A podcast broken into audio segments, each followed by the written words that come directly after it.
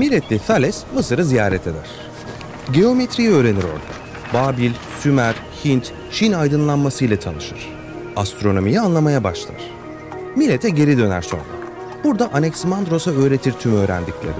İnsanlar nelerle uğraşıyor biliyor musun der. Evrenin doğasını, maddenin yapısını ilk kez mitolojiden sıyrılmış bir şekilde irdelemeye başlarız onlarla birlikte.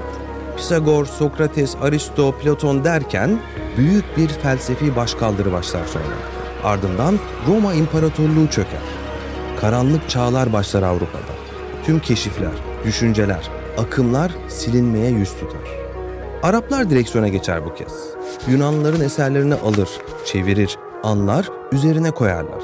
Büyük bir felaketten yeni bir doğuş. Büyük bir aydınlanma. Sonra oraya da uğrar yıkım ve şiddet.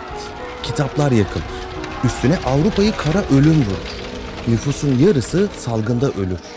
Geriye kalan azınlık Arapların koruduğu ve geliştirdiği hazineyi devralır. Kepler üzerine koyar.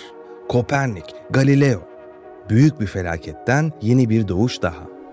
Newton diye biri çıkar sonra. Faraday, Maxwell, Einstein filan derken transistör diye bir icat çıkar. Atom bombaları patlar. Ayda birileri yürür. Amerika süper güç olur. Siz de gitmek istediğiniz yere Google haritaları kullanarak kolayca gidebilirsiniz. Bir saniye. Biraz hızlı mı oldu? Milletli Thales'ten Google haritalara nasıl geldik öyle birden?